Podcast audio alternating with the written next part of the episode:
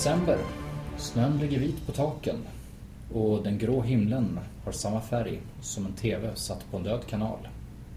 Vi sitter här och vi ska prata om William Gibson.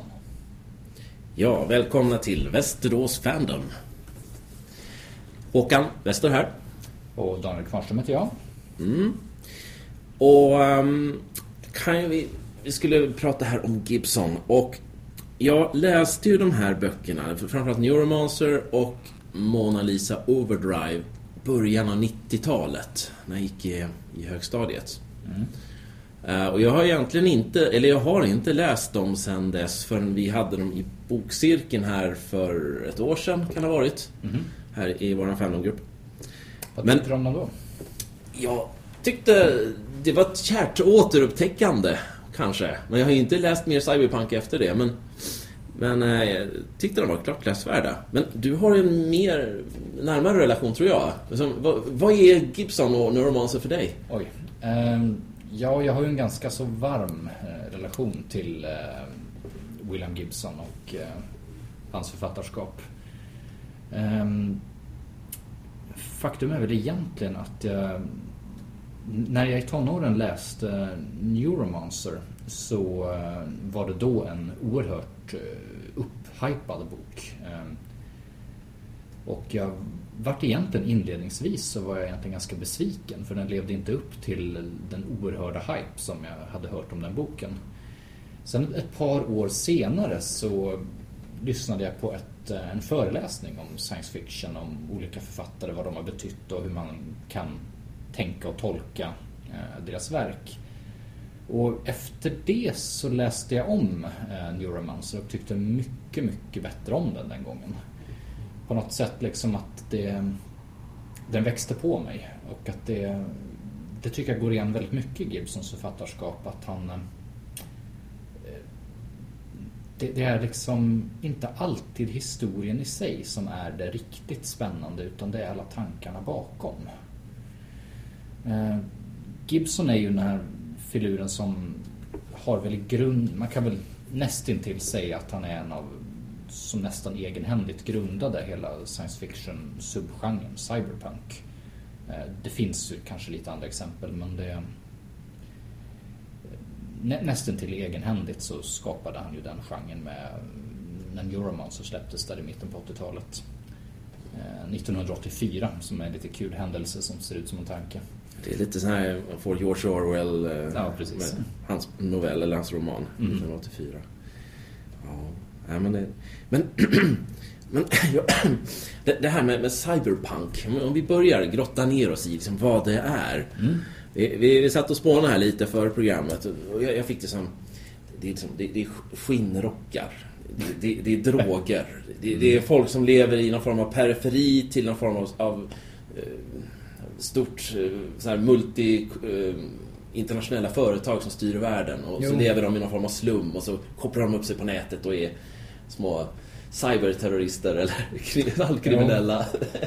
Det är en av de bästa sammanfattningarna jag någon gång hört eh, för Cyberpunk. Jag kan tyvärr inte återge exakt vad källan är men det är man säger high tech low life. Så det är ju extrem högteknologi blandat eh, med eh, extrema klasskillnader, extrem miljöförstöring eh, och ett, ett samhälle där ja, det är ett kapitalistiskt samhälle som har gått fullständigt överstyr. Där det inte längre i grunden är regeringar som styr utan det är stora företag som har, har all makt i världen i princip. Eh, mycket cybernetik och eh, na- naturligtvis en del frågor kring som sud- suddar ut gränsen mellan, mellan människa och maskin. Vad, vad är en människa och eh, vad, vad händer när man kan ladda ner minnen och den typen egentligen. Vad, vad händer med individen? Visst är det, det är sån här att de, de stoppar in chip i kroppen. Att de, Jo. det var någon film jag såg för flera år sedan med... Eh, åh, vad heter han nu? Han, han fick något, något chip i hjärnan och så kunde han vara, han skulle vara kurir. Ah. Johnny Mnemonic. Ja, Johnny, Johnny Mnemonic. Ja. Jo. Den bygger på en eh, novell av eh, Gibson också faktiskt. Eh, gan- ganska löst, men det, det gör den. En, en film jag tyckte var jättebra när jag var 14. Eh, sen... Eh, Sen så, så dippade det dippade väl lite. Kanske inte ska ses om för många gånger. Ah, jag, Så har, jag har sett om den har fortfarande ganska högt underhållningsvärde tycker jag. Men, eh, Ja. Lite så här nostalgiskt kanske mer. ja, oh ja. Ja. Finns det några andra filmatiseringar? Men som, som Matrix är ju stor. Är det cyberpunk? Oj. Eh, knappast renodlad cyberpunk, men det mm, finns ju det finns ju drag av det. det, det jag tror inte att Ma- Matrix hade ju inte sett ut som den gör om inte Gibson hade funnits och liksom grundat den här delen. Jag tänker eh, Blade Runner är ju väldigt cyberpunk men den är, tror jag är väl en den tror jag kom väl två år före är ute och cyklar nu. Den kom, Det väl, kom inte den 82? Ja, det är åren där före Mm, början så av att jag- 80-talet. Mm. Så att jag är väl lite Kanske lite grann ute på hal is när jag säger att Gibson grundade Cyberpunk men eh, han har väl grundat ordet så vitt jag vet. Eh, Får vi se om jag får Om jag får någon, någon på mig här. kan bli lyssnarreaktioner. Oh ja. Det vill vi hemskt gärna ha. Helst Ja. bara positiv respons. Ja, precis. Uppmuntran vill vi ha. Ja. Eh, och så, det var någon film som byggde på en Stephen King-roman som hette Gräsklipparmannen. Åh, den. så också var det, det, men det var ju också den här lite, lite cyberpunkigt, va? Eller? Ja, Är- det, är hand- det, handlar lite- väl, ja, det handlar väl mest om virtuell verklighet. Eh, Ja, den såg jag för väldigt många år sedan. Den, ehm, jag tyckte väl inte att den höll ens då, men jag är kanske lite över, överdrivet kritisk när det kommer till film. Ja. Det, det kommer en film här nu i nästa år som bygger på, någon, på, ett, eh, på en roman. Ehm, de, de bor liksom i den värsta slummen. Mm. Bland sådana här trailers som är staplade på hög. Mhm. Och så håller de på att... De, de kopplar upp sig i någon virtuell verklighet för att försöka eh, hitta ledtrådar som någon, så här rik tjomme har lagt ut. Så när man hittat de där ledtrådarna då får man kontroll över den här virtuella världen. Så håller de på att tävla mot varandra. Okej. Känner du igen? Nej, tyvärr, det ringer ingen klocka. Tyvärr.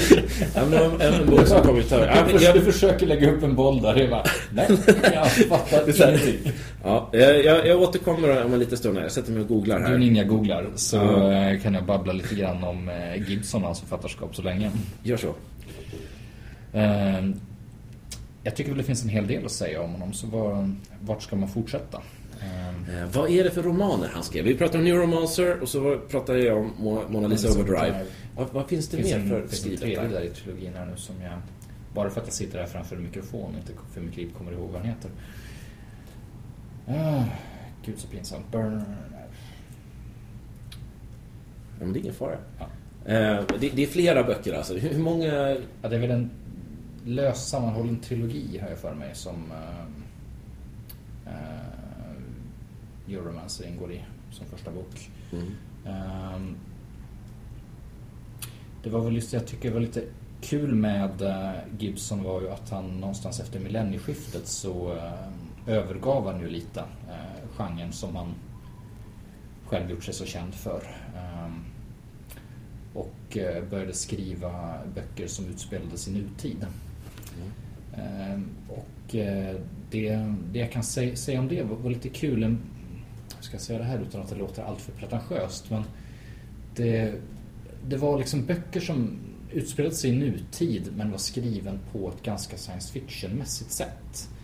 Eh, de utforskade väldigt mycket vad eh, tekniken gör med vårt samhälle och med vårt sätt att leva. Eh, den första där i den som kom det var, hette Pattern Recognition. Ehm, huvudrolls, huvudrollen så att säga, eller ser man inte eh, ser man någon film, men huvudpersonen ehm, är en eh, kvinna som är allergisk mot varumärken. Hon får starka panikreaktioner när hon hon ser effektiva, effektiva varumärken. Och eh, ja, pragmatisk som man är och man måste leva så försörjer hon sig som eh, konsult med att helt enkelt testa om eh, nya, nya varumärken och kampanjer är effektiva. Reagerar hon på det så, så funkar det helt enkelt. Men det, den är väl också mycket Gibsons på det sättet att den själva storyn är kanske inte så extremt spännande eller välskriven. Men alla tankarna bakom som den väcker tycker jag är väldigt intressanta. Det, det är väl lite en, en betraktelse av vår samtid, lite förklädd till en mm. form av detektivroman. Mm. Um, är det samma i de här nya, den är en trilogi sa du? Ja, lite grann som man skriver ett löst, löst sammanhållen trilogi. Han mm. verkar tycka om att skriva på det viset. Han har gjort det ett par gånger tidigare. Det är inte den jättespännande stories men det är väldigt mycket tankar. Intressant. Ja, jag tror att vi pratade om det tidigare. Att det, en sak jag tycker går igen mycket i Gibsons författarskap och det är vad jag personligen tycker att hans stories, alltså själva historieberättandet är eh, inte alltid så jättespännande. Men själva tankarna bakom väcker ganska mycket intressanta frågor. Um, pattern recognition som kom 2002, 2003 någonstans. Um, nu tappade jag tråden lite här. Um, pattern recognition, uh, den handlar väldigt mycket om uh, varumärken och hur det påverkar oss. Men också om hur vi kommunicerar på nätet med folk som inte nödvändigtvis vet vilka de är och vad, hur påver- vad får det egentligen för konsekvenser? Och vad händer när man träffar någon man känner online och det, personen inte riktigt är den man tror att den är? Kan man dra några kopplingar till äh, hatare och troll och sådant? Ja, det, den problematiken dyker faktiskt inte upp i eh, de böckerna så mycket. Mm. Men det är en löst sammanhållen trilogi som består av första boken Pattern Recognition. Eh, den andra heter Spook Country eh, och den tredje heter Zero History. Mm. De kretsar mycket kring, kring vad dels vad internet gör för eh, vår förståelse av verkligheten men också kring eh, kraften i varumärken och, eh, och hur reklam påverkar oss, på, tar sig in på väldigt devious manner så att säga i, i hur vi tänker. Mm. Ja, det låter spännande. Då har vi dagens boktips. Mm. Den här filmen som jag pratade om förut mm. Den heter så mycket som Ready Player One Om det är någon som tyckte den var rätt intressant ehm, Och det, det Den kommer här i nästa år Har den premiär på biograferna mm. Ja. Mm. Jag har inte så mycket att säga om den. Jag har tyvärr ingen koll. Det är som passerat förbi. Ja, ja. totalt över huvudet på mig. yes. Um, ja. Annars då? Vad, vad, har vi... Hur, hur tänker vi? Är, är, cyberpunken fortfarande intressant om, om tio år, tror vi? Ja du, alltså som du var inne på lite tidigare att eh, science fiction säger ju kanske mer egentligen om tiden då den är skriven än, än egentligen någon slags objektiv framtid. Eh, just cyberpunk är ju en framtidsskildring som har hur ska jag säga, den har ju åldrats. Eh, den, den, känns ju inte så, så edgy och fräsch. Mycket kanske på grund av att på sätt och vis så lever vi ju i den framtiden. Ehm, fast, fast ändå inte. Ehm, vi ser ju väldigt mycket av de eh, skru, skruvade bitarna av eh, det samhälle som Gibson målar upp. Eh, samtidigt som att vi, vi har eh, vi, vi, går ju inte in i en eh, virtuell verklighet med ett chip i nacken, liksom, en, med en plugg som vi pluggar in. Men eh, anledningen till det är att vi kanske inte riktigt behöver. Eh, Gibson själv har ju faktiskt skrivit en eh, ganska kul artikel som heter Will we have computer chips in our brain? Som, där han själv säger att nej, troligtvis inte. Mm. Därför att i grunden så behöver vi inte det. Därför att inlevelseförmågan egentligen när man sitter framför en, framför en skärm och tittar är ändå så pass stark. Och själva, vi är idag, även om vi inte har något teknologiskt i oss så är vi ändå på sätt och vis cyborgs. För att han liknar till exempel Google vid en enda stor minnesprotes. Mm. Att, eh, jag behöver inte ladda in minnen och kunskap indirekt i huvudet men jag kan sitta och knappa på, på en skärm och få fram eh, en väldig massa fakta. Sen kanske inte det ger någon, alltid någon djupare kunskap men det, det tror jag inte det gör med ett chip, chip i nacken heller ärligt talat. Det är i sådana fall om det går att överföra minnen eller drömmar mellan människor. Det vore ju ett steg till. Mm. Men vi är inte riktigt där ännu. Ja, nej, alltså virtual reality har ju kommit, kommit och gått eh, under ganska många år. Jag provade det först, eller försökte prova det en gång, första gången på en mässa någon gång på 90-talet. Ehm, de som stod i båset stod med och slet sitt hår och försökte få grejen att funka. Ehm, och det var ju ganska så eh, tråkigt. Ett väldigt jättetungt headset som man gick omkring med och det gick ryckigt och laggade när man försökte göra saker. Mm.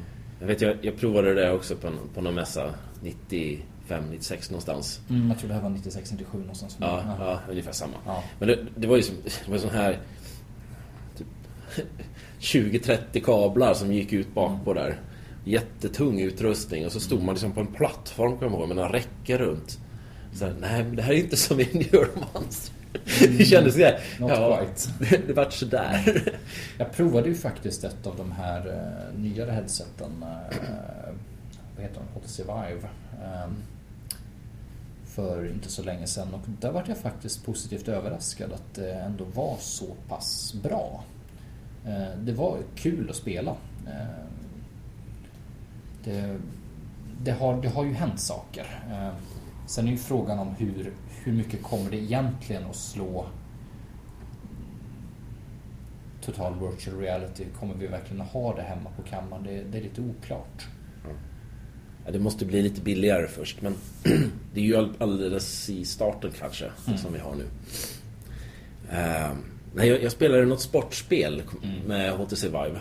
Man liksom, när man lutade huvudet lite åt sidan då svängde man i någon sån här eh, rådel eh, historia. Det var en rätt skön känsla i det. Mm. Det finns ju något företag också vet jag som bygger um, princip underhållnings, inte theme park men alltså ungefär som att spela på en plats som ett Laserdome ungefär fast du gör det i virtual reality och det är i och för sig ganska häftigt eh, att de har eh, kopplat hela, hela miljön till att eh, du kan gå och öppna en dörr som finns fysiskt i den här simulerade miljön som är mappad till alltså att du kan känna den på riktigt. Det finns inte så mycket så mycket saker med att det är, eh, du är inne och går i princip i en lagerlokal. Men det finns, eh, det är kulisser uppbyggda och det här headsetet gör en virtuell värld utav det.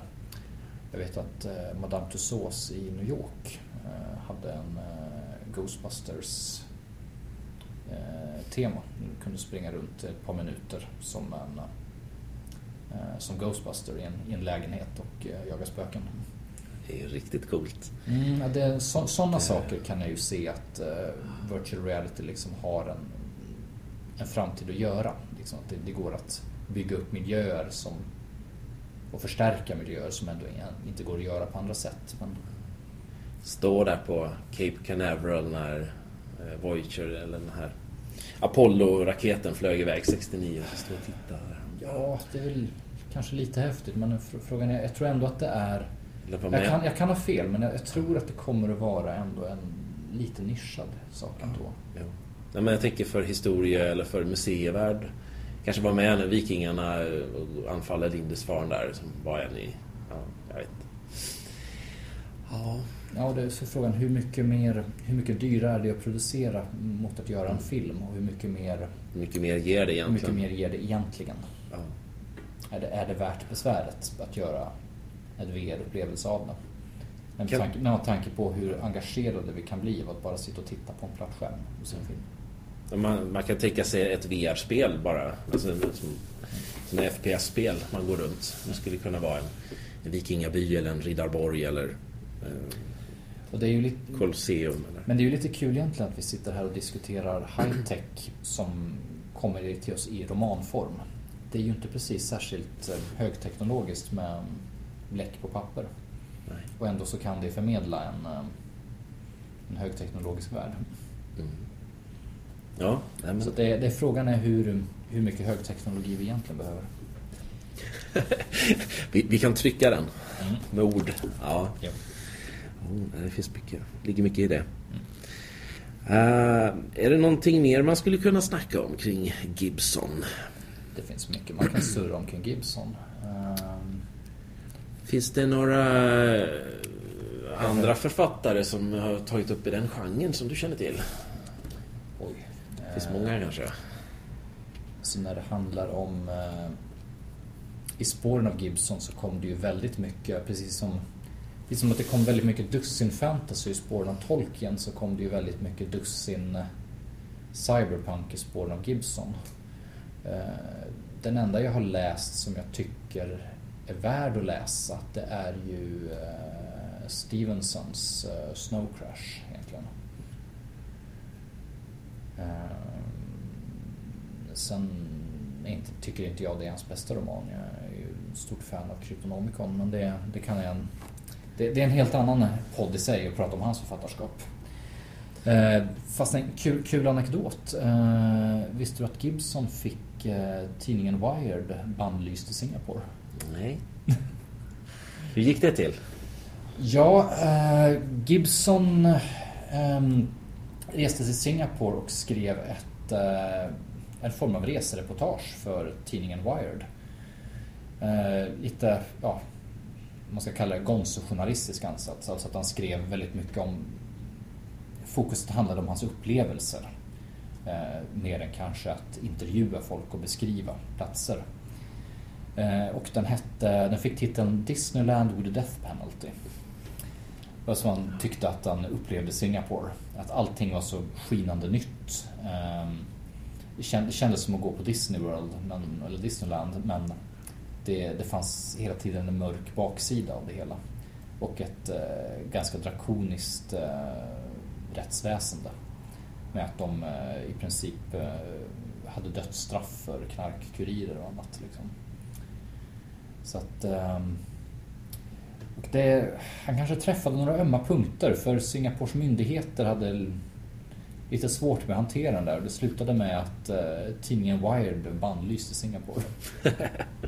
det är rätt spännande.